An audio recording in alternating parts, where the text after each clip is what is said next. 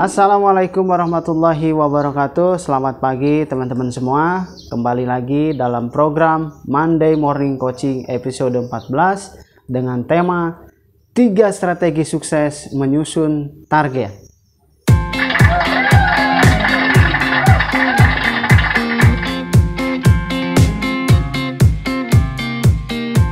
Teman-teman semuanya Mumpung nih mumpung beberapa bulan lagi Bukan beberapa ya tinggal satu bulan lagi 2020 itu selesai. 2021 akan datang. Satu bulan lagi kita menghadapi 2021 tapi yang terpenting bukan bukan kita menghitung hari atau kita menghitung bulan. Akhir tahun ini atau tahun ini berakhirnya satu bulan lagi kemudian tahun depan itu satu bulan lagi. Bukan itu poinnya tapi yang menjadi poinnya adalah teman-teman, ketika kita beralih tahun, beralih bulan, pertanyaannya apakah apakah hal-hal yang kita inginkan atau target-target tujuan-tujuan yang kita inginkan itu tercapai atau enggak? Ya, misalkan sering kita temui orang-orang kalau misalkan di akhir tahun sering bikin yang namanya resolusi. Ya, resolusi tahun depan resolusi akhir tahun. Kalau resolusi akhir tahun mungkin itu sudah e, bisa dilihat hasilnya ya, hasil daripada apa yang kita kerjakan selama satu tahun itu. Tapi teman-teman semuanya, resolusi tahun depan atau resolusi tahun 2021, apa yang akan kita lakukan? Apa yang akan saya lakukan sebagai seseorang? Eh, masih seseorang ya tahun depan saya mau ngapain? Tahun depan saya mau punya apa? Tahun depan saya mau menguasai apa? Nah ketika teman-teman mengajukan pertanyaan-pertanyaan seperti itu maka teman-teman sesungguhnya itu telah menciptakan yang namanya target. Atau gampangnya begini teman-teman punya nggak sih target hidup setiap tahunnya? Ya, tahun depan saya mau jadi apa? Tahun depan saya pengen punya apa? Tahun depan saya pengen kayak gimana. Nah, itu adalah yang namanya target dalam hidup. Seringkali kita membahasakannya dalam istilah resolusi tahunan.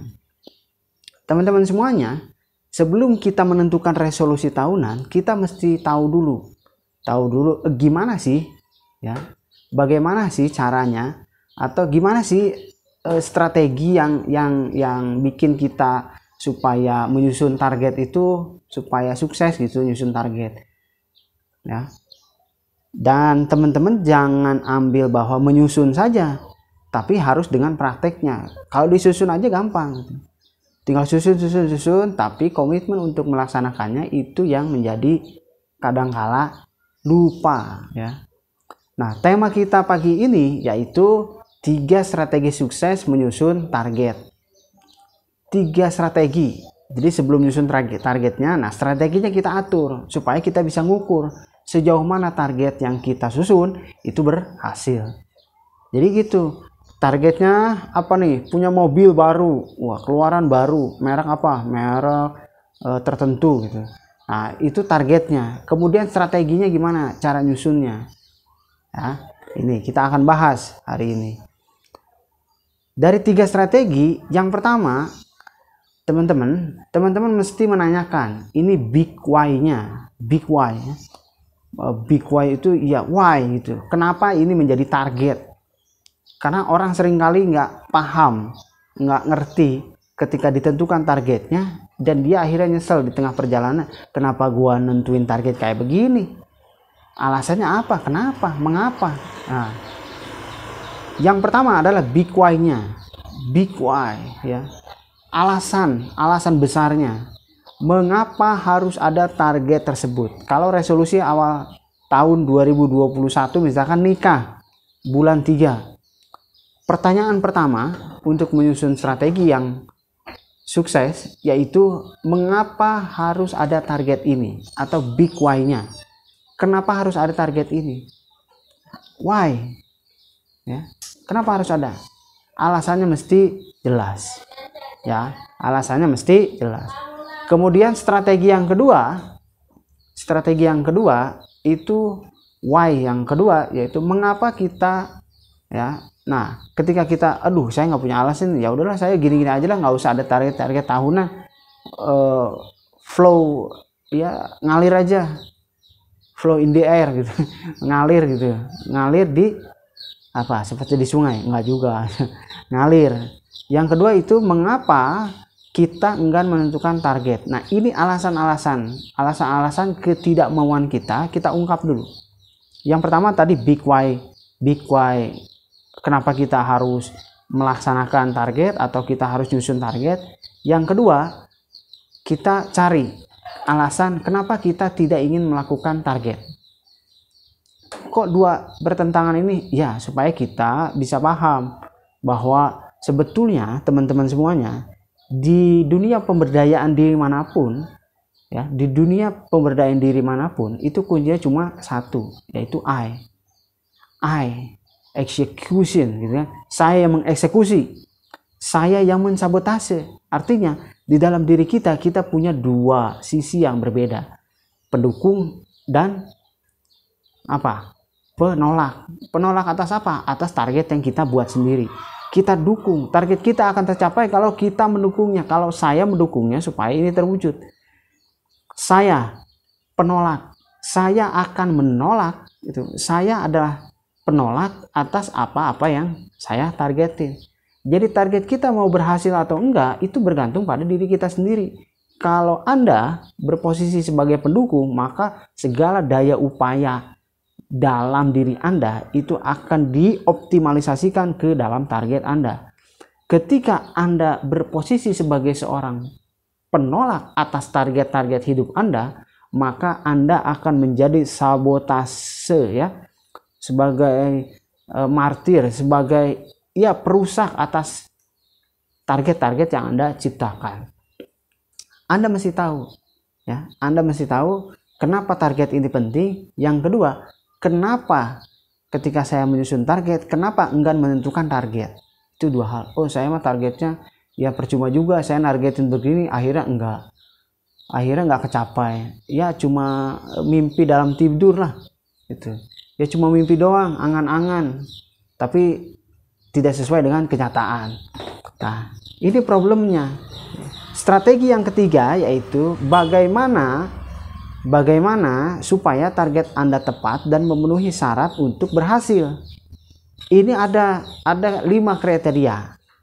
Ya, bagaimana supaya target Anda tepat dan memenuhi syarat untuk berhasil? Itu ada lima. Yang pertama, diungkapkan dalam kalimat positif. Diungkapkan dalam kalimat positif. Ya, maksudnya gimana? Maksudnya begini. Saya ingin uh, kaya. Saya ingin jadi pengusaha tahun 2021. Oke, nah. Ya, diusahakan dengan kalimat negatif. Boleh nggak misalkan saya ingin balas dendam ke Mas Angga karena telah memutuskan cinta saya. Kata si cinta, emang enak diputusin. gitu ya. Nah, ini bagus nggak?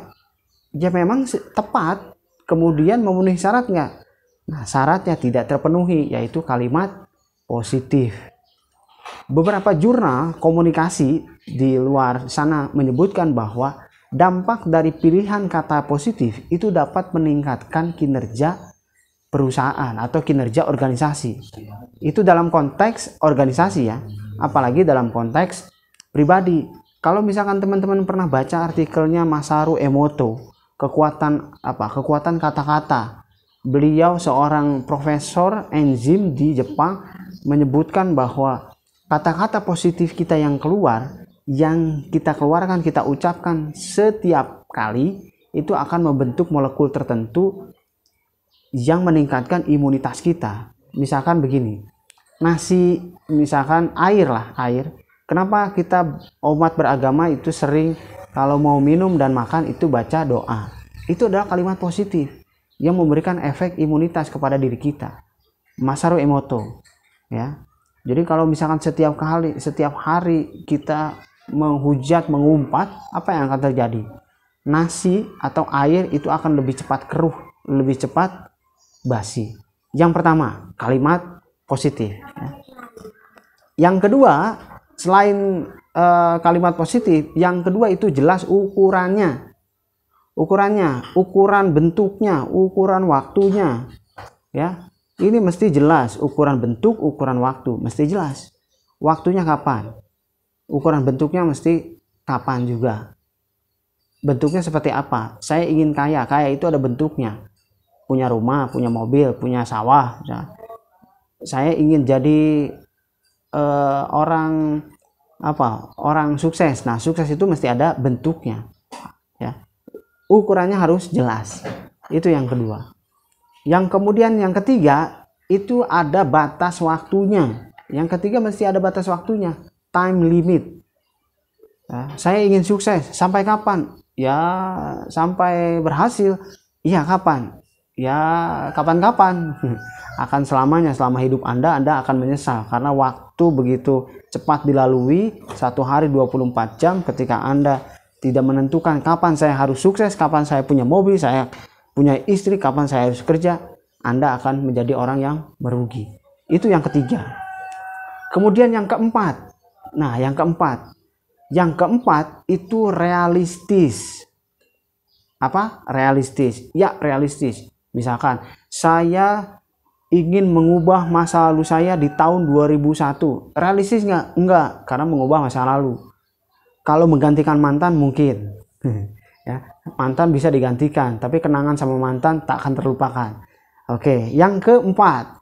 Yang keempat itu adalah realistis. Jadi teman-teman dalam menyusun target itu mesti realistis. Misalkan begini seorang pedagang penghasilan sebulan itu 10 juta omsetnya. Ketika dia menyatakan bahwa tahun depan saya target 100 juta. Realistis nggak? Realistis tapi caranya effortnya yang dibutuhkan itu akan sangat besar. Ya. Scale upnya tinggi sekali. Kecuali kalau misalkan dia punya potensi-potensi. Punya cadangan tabungan cadangan aset itu masih bisa.